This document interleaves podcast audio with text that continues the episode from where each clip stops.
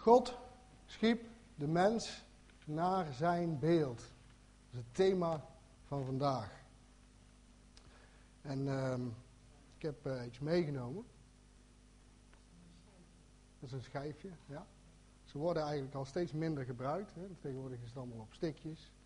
Maar dit is een, uh, een DVD. We gaan geen film kijken vandaag. Maar het is, uh, het is een voorbeeld. Het is een DVD en, en uh, deze schijfjes worden ook wel beelddragers genoemd. Een CD noemen ze een muziekdrager, DVD noemen ze een beelddrager. En als je deze DVD in een, een uh, apparaat stopt en je drukt op play, dan laat het een beeld zien. Nou, en zo zou je kunnen zeggen dat wij als mensen allemaal ook beelddragers zijn. Maar de vraag is wel, wat voor beeld laat jij zien? Het kan natuurlijk van alles zijn. Als je deze specifieke dvd ergens instopt, dan, dan begint er een tekenfilm te draaien. Nou ja, dat is dan deze dvd. Maar wat, wat, wat komt er uit ons? Wat laten wij, wat laten wij zien aan de wereld? Als je hem omdraait, dan is het in één keer een spiegel. Als ik erin kijk, dan zie ik mezelf. En dat speelt ook mee. Jij als beelddrager in deze wereld, wat, wat wil jij laten zien? Wil jij zien, laten zien dat de mensen jou zien? Of is het de bedoeling dat de mensen door jou, als ze jou zien, toch iets anders zien? Dat is een beetje waar het vandaag om draait. Genesis 1 hebben wij gelezen. Nou, ja, ik vind het zelf een geweldig gedeelte uit de Bijbel. Het is, het zit, er zit zo'n rijkdom in, hè, dat gedeelte. Dat kan je blijven lezen en het kan je blijven verbazen. En iedere keer komen er weer nieuwe inzichten uit. En ik vind ook wel, je moet het wel op een bepaalde manier lezen. En dan bedoel ik dus eigenlijk niet zo zoals het op heel, heel vaak gedaan wordt, te kritisch. Want oh, wat jammer als je zo kritisch naar dat Bijbelgedeelte gaat kijken. En gaat kijken naar die zes dagen en daar die discussie over gaat voeren. Waren het werkelijk zes dagen? Nou, doe daar nou niet te moeilijk over. Het staat er toch. Het is toch Gods woord. Het is toch zijn openbaring naar ons toe. Waarom zouden we twijfelen aan het woord van God? En gaat het er trouwens niet veel meer om wat het betekent? Dan dat het zes dagen waren.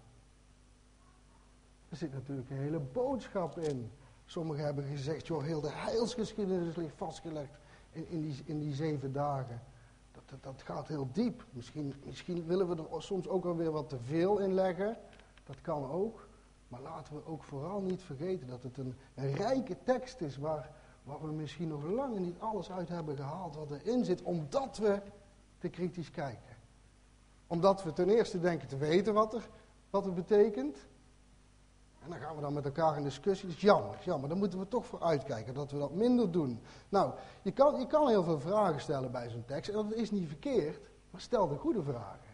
Stel de goede vragen aan de tekst. En laat het woord dan ook echt tot jou spreken. Want het is een levend woord, een openbaring van God. En wat doet het een openbaring van God? Dat spreekt tot jou. Het is toch niet zo dat wij tegen de tekst spreken? Dat doen we veel te vaak. En dan, het is toch zijn woord ook? Zijn levend woord, wat ons moet veranderen, laten we dat voor ogen houden. Genesis 1, het is onze oorsprong, hè? daar komen wij vandaan. Het is de geboorte van de schepping. Dat is ook wat Genesis betekent. Geboorte, oorsprong, begin, genezen, oorsprong. Dus ja, we hebben, daar, we hebben daar allemaal mee te maken. Je kan niet zeggen, nou dat vind ik eigenlijk niet zo'n zo interessant gedeelte. Nee, Genesis 1, daar, daar zijn wij allemaal op betrokken. Daar komen wij vandaan, dat is ons begin. Dat is de schepping. En, en als je daarin leest, dan, dan zie je ook meteen in, in het eerste hoofdstuk in de Bijbel, zie je heel veel over wie God is. En tegelijkertijd zie je ook heel veel over wie wij als mensen zijn. Vragen stellen aan de tekst. Nou ja, dat gaan we toch doen vandaag. En dat mag ook, maar we gaan proberen waardevolle vragen te stellen aan die tekst. Waardoor wij nog beter zullen zien wie God is en wie wij zijn. En daarom ook dat thema vandaag. Dat heeft daar alles mee te maken. Nou, als je deze tekst leest of hoort, wat voor vragen komen er dan bij jou op? Wat zou God ons willen zeggen met dit scheppingsverhaal? Waarom? Waarom? Waarom heeft Hij ons geschapen? Ik denk dat dat wel een gezonde vraag is. Het nut. Het nut. Waarom zitten wij hier? Waarom bestaan wij? Zoveel mensen denken dat het. Als er geen God is, als je niet gelooft dat er een God is, dan, dan, kan je eigenlijk zeggen dat de schepping nutteloos is. Want schep, dan kan je niet eens over een schepping spreken. Want als niemand, als niemand het ooit in het leven heeft geroepen, die schepping, die wereld waar wij in leven, dan kan er eigenlijk geen sprake van een nut zijn. Dan kunnen we er zelf wel een nut aan geven, natuurlijk. En dan kan je van alles bedenken. En dan kom je ook al snel in strijd. Maar dan kan, nee, het is hiervoor bedoeld. Nee, het is hiervoor bedoeld. Nee, God. God laat ons zien wat, wat het nut is met zijn schepping. Waarom heeft hij dit alles geschapen? Nou, het, het is een hele goede vraag, een waardevolle vraag. Waardoor wij uh, meer kunnen te weten komen over wie God is. En het allereerste wat belangrijk is om te zeggen bij deze vraag is, dat moeten we niet vergeten, dat God niets nodig heeft. God heeft niets nodig. Helemaal niets. Handelingen 17 staat, hij wordt niet door mensenhanden gediend alsof hij iets nodig heeft. God is niet eenzaam hoor. Dat was nooit de reden voor de schepping. De drie ene God is één, maar niet eenzaam. Hij is compleet in zichzelf. Compleet. Overcompleet misschien wel. Staat er niet in Genesis 1, hè, wat wij zojuist gelezen hebben, laat ons mensen maken. Ja, dan kunnen we natuurlijk van alles gaan zeggen wat dat betekent. Sommigen zijn, zijn de engelen, wat tegen God sprak. Sommigen zeggen het is de drie eenheid. Nou, laten we het in ieder geval er maar op houden dat hij niet alleen was. Maar waarom dan? Waarom schiep God deze wereld dan? Hij schiep de hemel en aarde tot eer en glorie van zijn grote naam. Niet omdat hij het nodig heeft, want hij is compleet in zichzelf, maar omdat hij het gewild heeft. Het was Gods wil. Heel eenvoudig. Het was Gods wil. En dat is ook wel bijzonder. Als u hier zit, dan, dan, dan kunt u zeggen, het was Gods wil. Dat wij hier zijn. Dat wij bestaan. Dat die hele wereld bestaat. En ondanks wat we allemaal om ons heen zien gebeuren, het was Gods wil. Hoe dan ook. Dus, dus heel die schepping die is bedoeld om, om God te eren. Dat deze ook in Psalm 19 waar staat, de hemel vertelt Gods eer. Het gewelf verkondigt het werk van zijn handen. Kijk s'nachts eens omhoog, of s'avonds als het donker is. Wat zie je dan? Een prachtige sterrenhemel, als het niet bewolkt is. ik weet niet hoe dat bij jullie is, maar ik, ik kan me daar wel, als ik daar naar kijk, dat ik dan zo verbaasd ben en, en geen woorden voor heb. Wat oneindig. Wat machtig. Zoveel sterren. We weten niet eens hoeveel zijn. Je kan een schatting maken, maar ja, dat is ook maar. Want we kunnen niet eens zo ver kijken. We weten niet waar het einde is. Nou, ik denk niet dat er een einde is. Oneindig. Zou, zou het niet zo zijn als God zijn schepping gemaakt heeft? Hij heeft dat hele universum, hemel en aarde geschapen miljarden sterren, zou dat, dat heelal, wat wij dus zo klein, als kleine mensen vanaf de aarde, die ten opzichte van dat hele heelal ook maar klein is, en dan kunnen wij naar die sterrenhemel kijken, zou dat niet een hint zijn van God, van kijk eens, kijk eens hoe groot ik ben. Kijk eens hoe machtig ik ben. Niet te bevatten, onmetelijk, oneindig. Nou, dan, dan zijn wij mensen soms heel wijs, hè? Dan denken we soms iets te weten over dat heelal. Maar laten we nou eens eerlijk zijn. Wat, wat kunnen wij nou werkelijk weten als mensen? Als, we daar naar kijken en iets over zeggen. En we sturen raketten de, ruimte in. Uh, mensen op Mars, of, oh, sorry, op de maan. En dat is natuurlijk wel heel wat vanuit ons gezien, maar vanuit God gezien. Stel niet zoveel voor Wat hebben we dan werkelijk van dat in mensen al gezien? Een raket naar Mars met zo'n autootje wat er dan uitkomt en een paar jaar rondrijdt, foto's maakt. Ja, geweldig, mooi. En dan zien we ook wel wat van Gods schepping. We hebben nog niks gezien hoor. En, en dan, trouwens, als we dat doen, geven we God de eer ook. Van die mooie beelden die dan terugkomen naar de aarde. Die onderzoekers. Geven ze ook God ook de eer, want dat zou wel mooi zijn. Hè? Dus nou zeggen, kijk, we hebben wat gezien van dat grote universum. Prijs de Heer voor wat hij daar allemaal geschapen heeft. Vraag maar af of het gebeurt. Het zou wel mooi zijn. Wij kunnen hem eer geven door dus op een andere manier naar die schepping te kijken en, en, en alles te zien en, en, en dan ontzag daarvoor hebben. Ontzag voor die schepping. Dat je zegt van, wauw, wat groot heren, wat mooi. Niet te bevatten, maar het is uw schepping en het is, het is prachtig. Het is mooi. Ja, je, zo kan je naar alles kijken. Die sterren noemde ik al. Naar de, miljoenen verschillende soorten dieren, insecten, zo klein, sommige dieren zo groot. Planten, bloemen, de kleuren van planten en bloemen. Het is onbevattelijk. Kijk naar de bergen, kijk naar de zee. Hoe alles gemaakt is. De bloemen, het, het ecosysteem, hoe alles samenwerkt. En de mensen. Kijk naar elkaar, allemaal uniek. Er is er geen één hetzelfde. Dat is mooi. Dat is bijzonder. Eén schepping, één eenheid. Het is ook een eenheid. Hè? De zon en de maan en de aarde draait allemaal om elkaar heen op de juiste afstand. Precies genoeg zodat leven mogelijk is. Met een diversiteit aan schepselen. Allemaal gemaakt, geformeerd door de handen van God. Waarom? Om als richtingwijzer te functioneren. Naar Hem. Een richtingaanwijzer die wijst naar God en zegt: Hem komt toe alle lof en eer.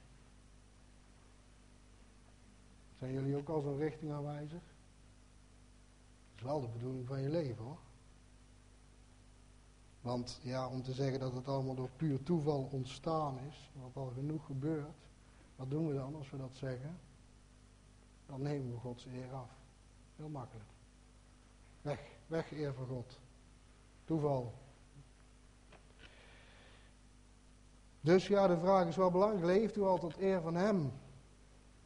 En dat is echt je roeping. En, en nou ja, sommige mensen die vinden het heel moeilijk. Hè? Die zeggen, ja, wat is mijn roeping nou eigenlijk in, in, in Gods koninkrijk als, als, als lid van de gemeente van Christus, als dienaar van Hem? Wat is mijn roeping? Sommigen hebben een duidelijke roeping, maar ik weet het niet.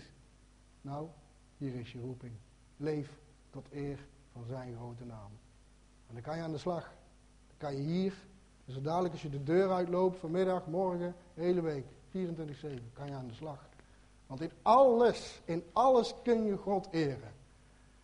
In alles. Want het hele leven is gemaakt om God te eren. Dus in alles kan je, bij elke keuze die je maakt, kan je nadenken: is dit tot eer van zijn grote naam? Nou, daar is je roeping, alsjeblieft. Als je niet weet wat je roeping is, dan ga je daarmee beginnen. En dan kijk je. En misschien is daar wel heel veel vervulling, in.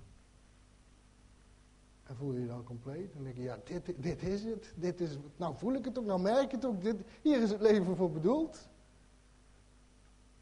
Hij schiep de wereld zodat de wereld hem zou verheerlijken. En, het volgende, hij deed dat om zijn liefde te delen.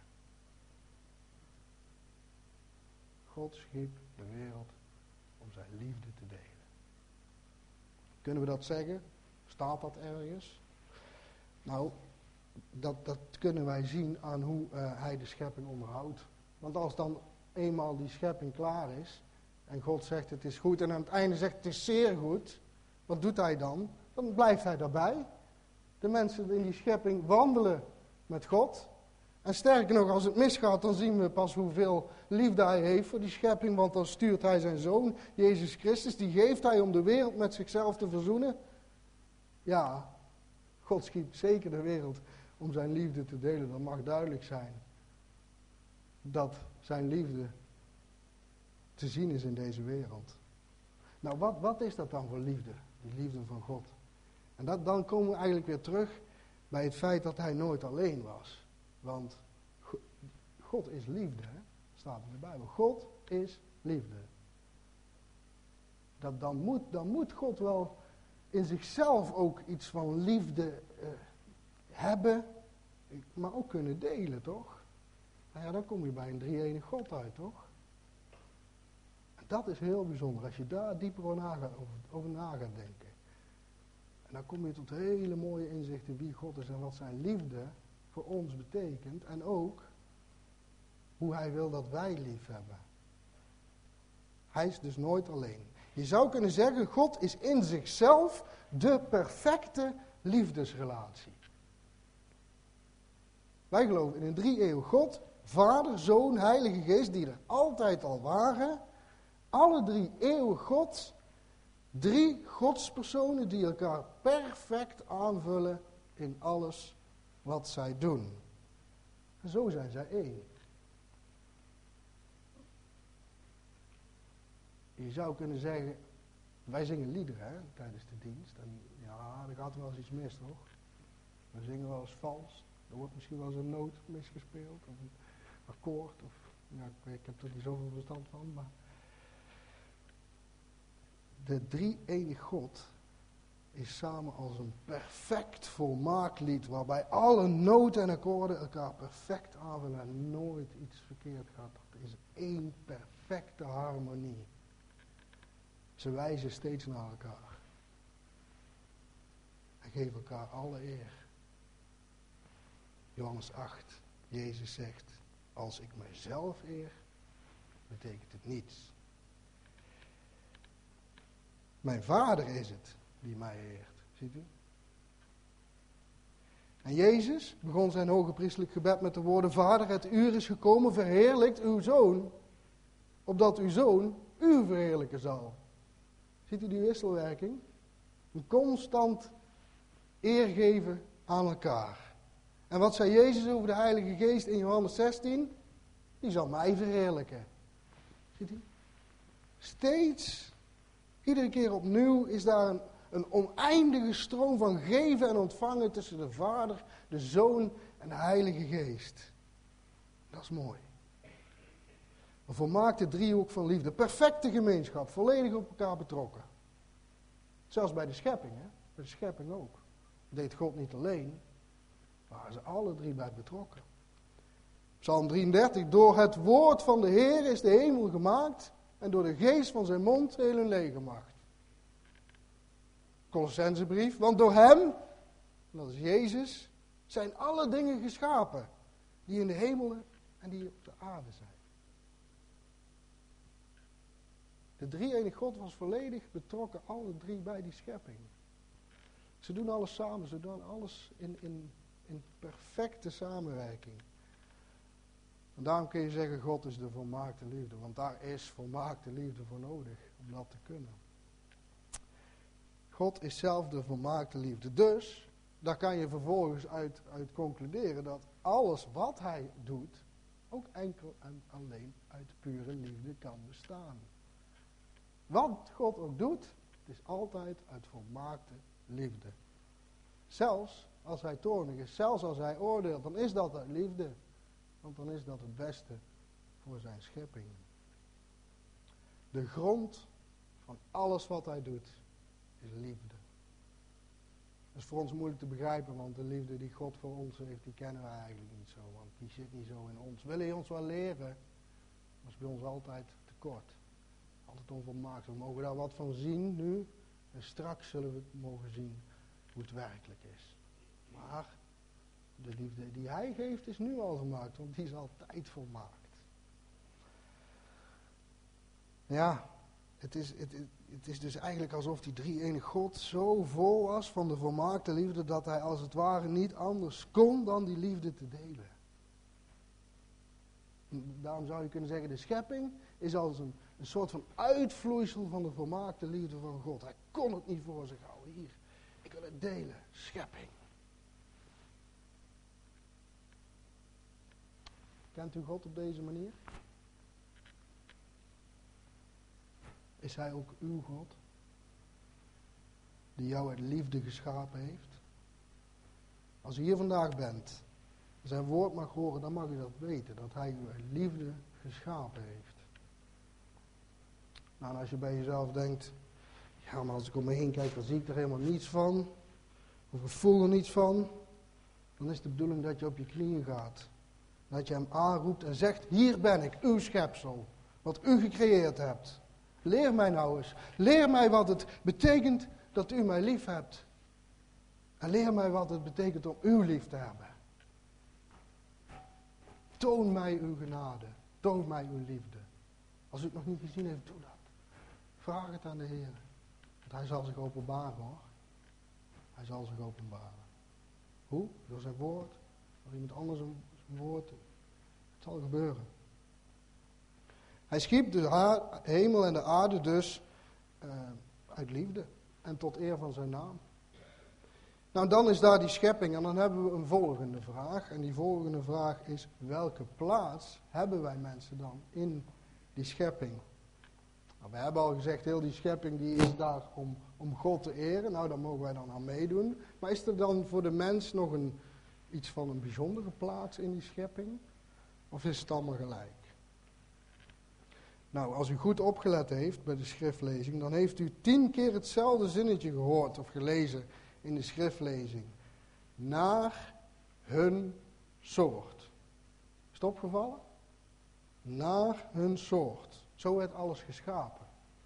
En dan staat er dat, dat die drie woorden staan er iedere keer als het gaat over de schepping van de planten en de dieren en al het andere behalve de mens. Naar hun soort. Alles werd geschapen naar hun soort. En, en je zou kunnen zeggen, God schept iets totaal nieuws buiten hem. Een schepping met van alles daarin. En dat, dat heeft de mogelijkheid om zichzelf voor te planten. En dat, dat gebeurt naar een soort. Dus je hebt een zaadje, je hebt een, een, boom, en je hebt een vrucht. Maar dat is allemaal van hetzelfde soort. Uit dat zaadje komt een boom, en die boom draagt vrucht. Het is bijvoorbeeld een eik, maar ja, daar komen eikels aan. En ziet u, maar dat blijft van hetzelfde soort. En dat blijft ook altijd gewoon een boom, trouwens. En als je dat bij de dieren gaat bekijken ook, hè, dan, uh, ja, noem maar een aap naar hun soort. Plant zich voort. Wat komt eruit voort? Een aap. Zal ook een aap blijven, hè? Zal geen mens worden. Nee. Het staat er toch, naar een soort. Anders zouden wij nu apen zijn. Dat is belachelijk, toch? Nee. Alles wordt gemaakt naar een soort en zal zich voortplanten naar een soort. Nou ja, goed, evolutie, hè micro-evolutie zeggen ze. Nou, er zal best wel een en andere kleine aanpassing aan bepaalde schepselen zijn, maar niet op die manier. Zoals de mens zegt, waar hij dan toch een excuus moet vinden om, iets te kunnen zeggen over waar we dan vandaan komen als het geen God is. Hè? Nou, en dan, dan, dan is God bijna klaar met die schepping. En dan schept hij de mens. En dan, dan, dan, dan, komt er iets bijzonders. Dan, de mens is iets geheel anders dan wat God daarvoor geschapen heeft. Want in vers 26 hebben wij gelezen dat God zegt, wij laten wij mensen maken naar ons, ons beeld, ons beeld. Ziet u dat? Ons beeld. Al die, die, al, al die andere elementen van de schepping, de dieren, de planten, waren geschapen naar hun soort. En dan wordt de mens geschapen en dan zegt God, Laten we die maken naar ons beeld. Naar onze gelijkenis. En laten zij heersen over alles dat geschapen is. En God schiep de mens naar zijn beeld. Naar het beeld van God schiep hij hen. Mannelijk en vrouwelijk schiep hij hen. Beste mensen, u bent geschapen naar het evenbeeld van God. U bent een afspiegeling van wie God zelf is een gelijkenis. Wij mensen hebben iets van God meegekregen bij de schepping. En dat zegt ook alles, dat is ook het antwoord op de vraag, dat zegt ook alles over onze plaats in die grote schepping van God. Wij zijn geheel anders dan al het andere wat God geschapen heeft. Alles in de schepping verwijst op zijn eigen bijzondere manier terug naar God om hem te eren. Denk aan dat heelal. Maar de mens is van die gehele schepping het meest uniek. Want die verwijst wel op een hele bijzondere manier naar God terug. Dat is althans de bedoeling. Dan al het andere in de schepping. De mens is de beelddrager van God. Nou, wat betekent dat dan? Wat maakt, wat maakt ons nou anders dan de dieren? Zoals de Vader, de Zoon en de Heilige Geest steeds naar elkaar wijzen, zoals ik zojuist verteld heb, en elkaar alle eer geven, is de mens gecreëerd om daaraan mee te doen. Hij schiep om zijn liefde te delen. Nou, sommigen hebben die, die, die perfecte gemeenschap tussen Vader, Zoon en Heilige Geest ook wel de dans van de drie eenheid genoemd. De perfecte gemeenschap. En God schiep, schiep ons om deel te nemen aan die dans. Om deel te hebben aan de volmaakte liefde van God. Daarom zijn wij zo specifiek als mens geschapen. Dat er in die schepping iets zou zijn, iets, die schepping is van zichzelf al heel mooi, goed, zegt God. En dan, maakt hij nog iets in die schepping wat heel bijzonder is. Waar die, wat hij eigenlijk nog dichter naar zich toe wil trekken. En nog meer wil laten proeven van wie hij is. De mens. Is iemand van jullie wel eens uh, in het uh, museum van Madame Tussauds geweest? Er staan allemaal van die beelden hè, van bekende mensen filmsterren, wereldleiders, onze koning en uh, allerlei andere. En al deze beelden die zijn een afspiegeling van de persoon op wie dat beeld lijkt. Ze zijn daarvoor gemaakt. Ze zijn ervoor gemaakt om iets te laten zien van de persoon uh, ja, waar ze op lijken. Ze zijn ervoor bedoeld om iets te representeren. Ja, en erg genoeg staan er ook beelden bij die als God vereerd worden. Popsterren. Dat is niet de bedoeling. Het is niet de bedoeling dat de mensen zelf vereerd worden, maar dat zij God zouden verheerlijken. Nou, in dat museum van Madame Tussauds zie je ook wel hoe erg dat mis is gelopen hè, bij de mens. Nou, die beelden daar in het museum, die lijken wat betreft uiterlijk op degene wie ze representeren. Maar wij als beelddragers van God, wij lijken niet qua uiterlijk op God, dat kan je niet zeggen. God, God heeft geen lichaam. Hij nam een lichaam aan toen hij naar de aarde kwam. Maar God is geest. Ons schiep hij in het materiële. Maar hoe lijken wij dan op God? Nou, daar wil ik nog eens met u over nadenken. Belangrijk is het dat God ons met alles wat hij gegeven heeft in staat stelde om samen met hem te heersen. En daar zie je al een stukje terug in van wie God is. Hij, hij heerst over de schepping en daar wou hij ons in mee laten delen. Want dat zie je meteen daarna, zegt hij. Wees vruchtbaar, talrijk, vervul de aarde, onderwerp haar. Heers over de vissen van de zee, over de vogels in de lucht en over al de dieren die over de aarde kruipen. Dat was de bedoeling. En natuurlijk moest hij daarvoor ook dingen meegeven aan de mensen, zodat wij in staat zouden zijn om dat te kunnen. Nou ja, je ziet wel wat er met de wereld gebeurt. Als dat in verkeerde handen valt. Die mogelijkheden die wij gekregen hebben om te heersen. Momenteel liggen die mogelijkheden in de handen van een gevallen schepping. Daarom zien wij zoveel onrecht. Wij kunnen daar niet mee omgaan zonder God.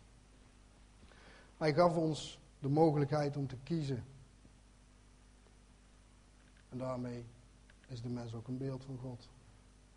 Want goed, God doet wat hij wil. En, ja, er is wel discussie over en dat, dat, dat ligt soms wel een beetje gevoelig. Had een mens een wil, een vrije wil? Nou, in ieder geval God wel. En, en als God dan mensen wil creëren die hem lief hebben, is het dan niet nodig dat zij een wil hebben om echt eer te geven? Pure eer, pure liefde. Als wij geen wil hebben, geen, geen, geen, geen keuze, dat zou, toch niet, dat zou toch niet de eer zijn die God toekomt. God heeft toch geen machines gemaakt, geen, geen, geen robots waar je op je knopje drukt en zo. Nu gaan ze, God, nu gaan ze mij eren. Nee, dat is niet wat God gewild heeft. Als er geen keuze was om hem wel of niet lief te hebben, dan was het geen echte liefde. Dan was het dwang. En een liefde, volmaakte liefde, kent geen dwang. Zou het wel zo zijn, dan was er geen vrijheid. En dat is ook een beeld van God, wat Hij ons gegeven heeft. Vrijheid. Hij wil dat wij vrij zijn. Zelf is hij vrij in alles. Hij doet alles wat hij wil. Hij is nergens aan gebonden.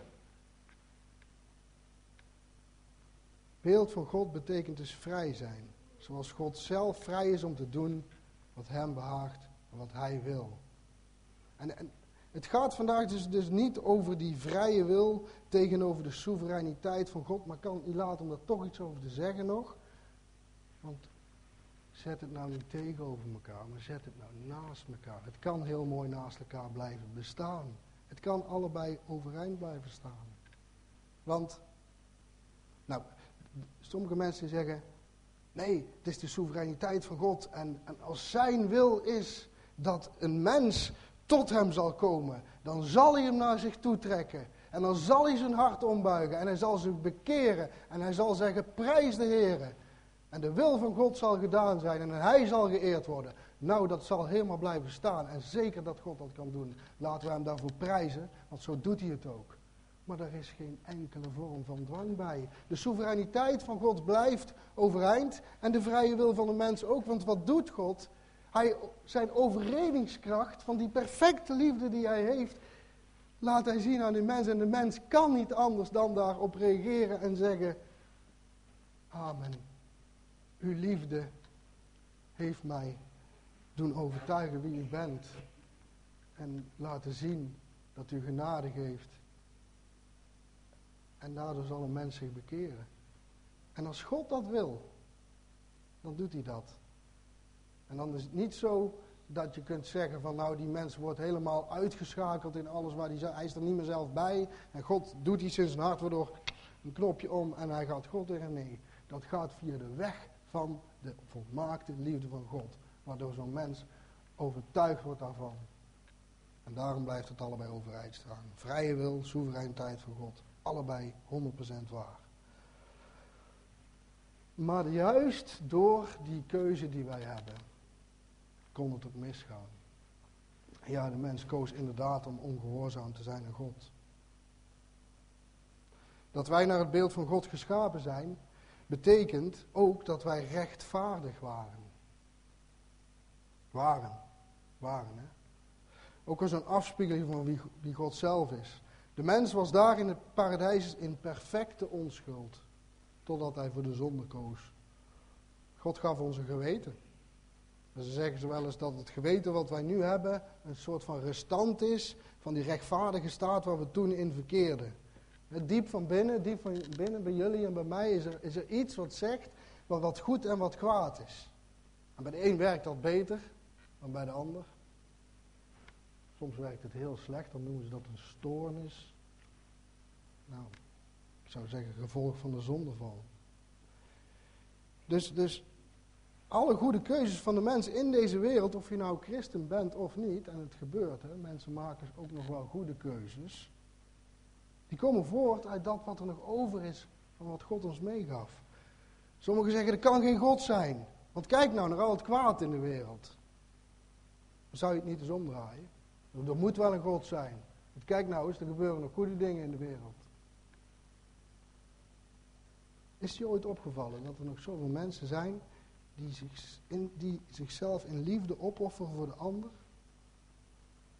Nee, dat zijn niet alleen maar christenen hoor. En nee, dat doen ze ook niet altijd uit eigen belang. Dat is te kort door de bocht. We moeten niet onderschatten wat God nog aan het doen is in deze wereld. Ook buiten de kerk. Er is ook een koninkrijk. En er gebeurt soms veel meer dan wij durven geloven. Dus dat is wat er eigenlijk nog over is van de mens als beelddrager van God. Al het goede in de wereld wijst nog steeds naar Hem. Dan mogen we Hem verdanken. Dat er nog goede dingen zijn. Dat kunnen dus ook mensen zijn die goede dingen doen waarvan wij denken ze zijn verloren. Nou, dat zijn ze misschien wel, maar laat dat maar aan de Heer over.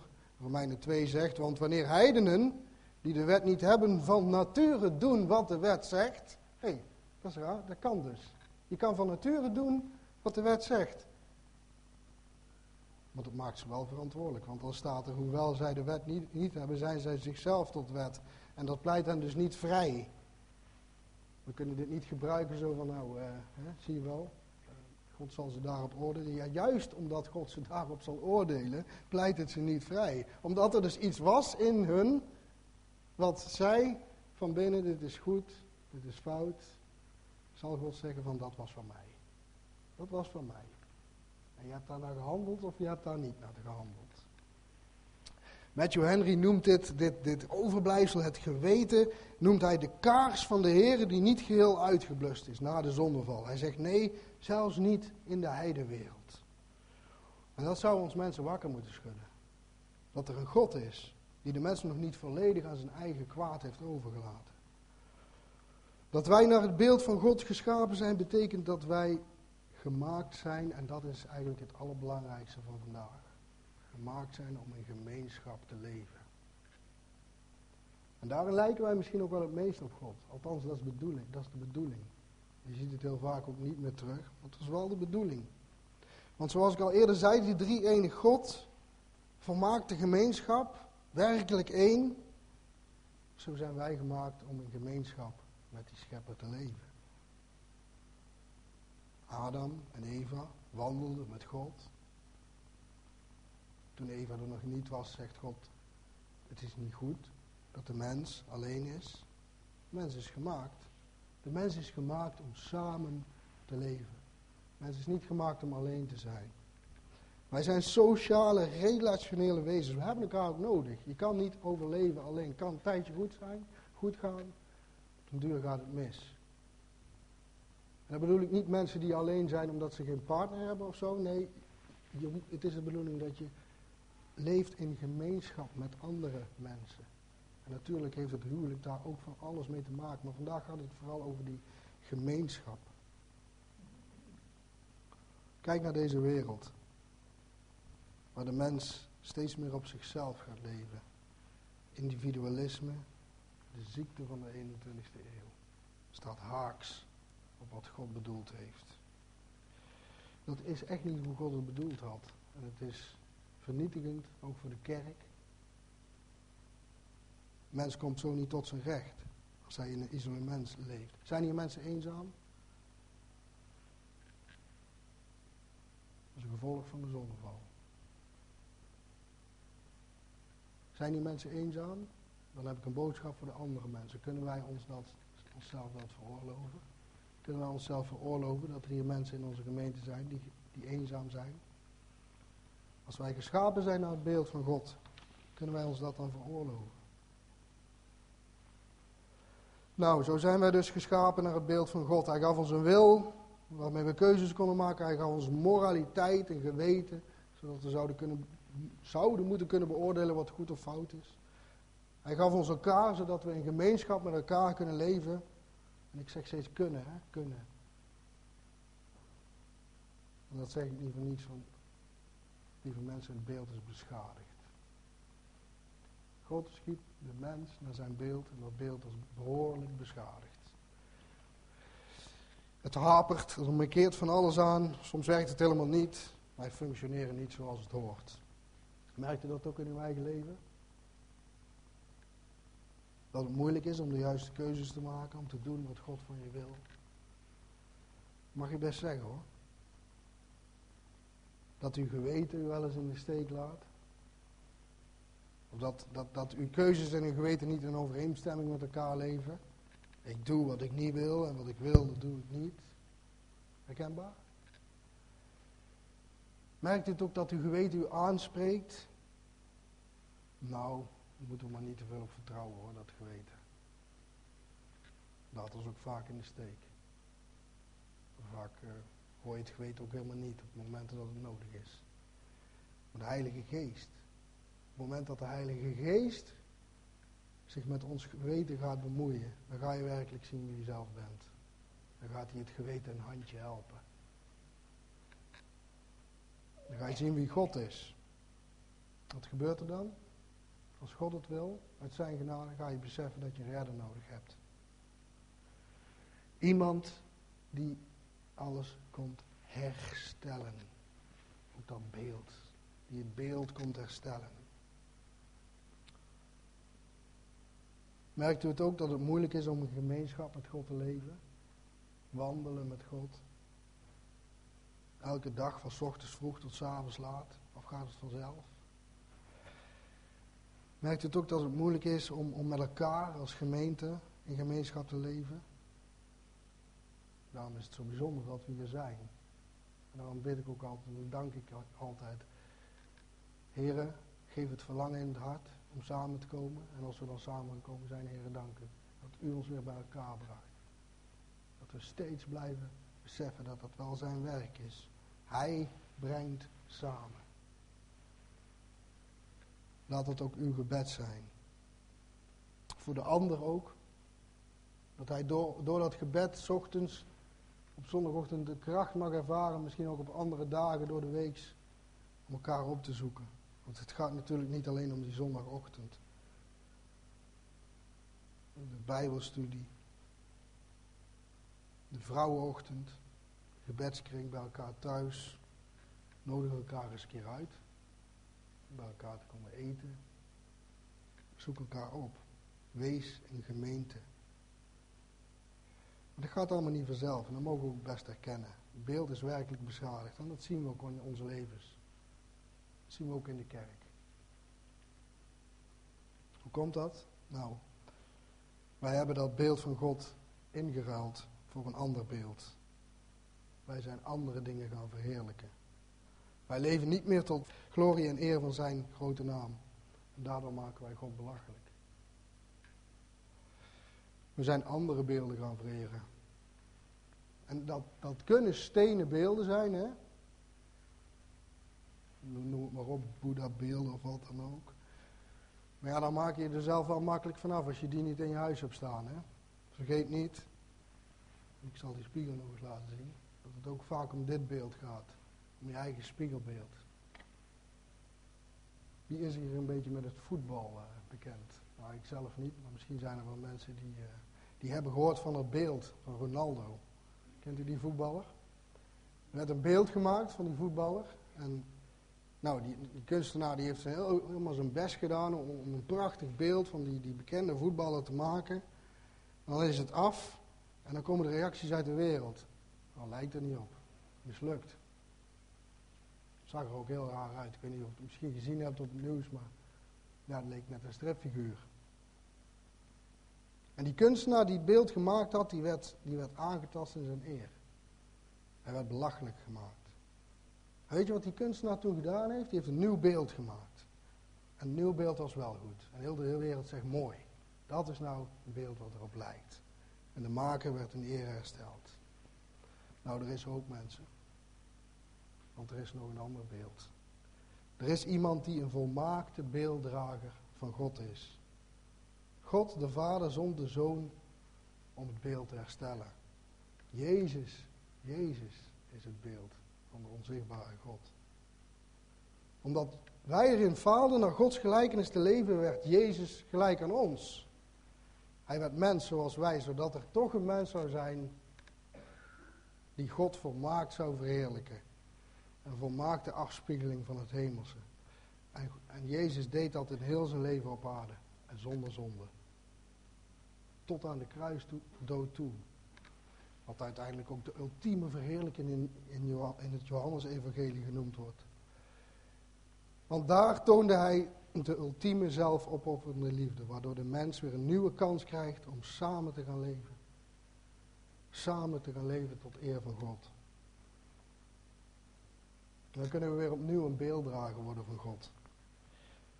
Zo zegt Romeinen 8 ook, want hen die hij van tevoren gekend heeft, heeft hij er ook van tevoren toe bestemd om aan het beeld van zijn zoon gelijkvormig te worden. Opdat hij de eerstgeborene zou zijn onder vele broeders. Zo rekent Jezus af met het verleden, met u en mijn zonde.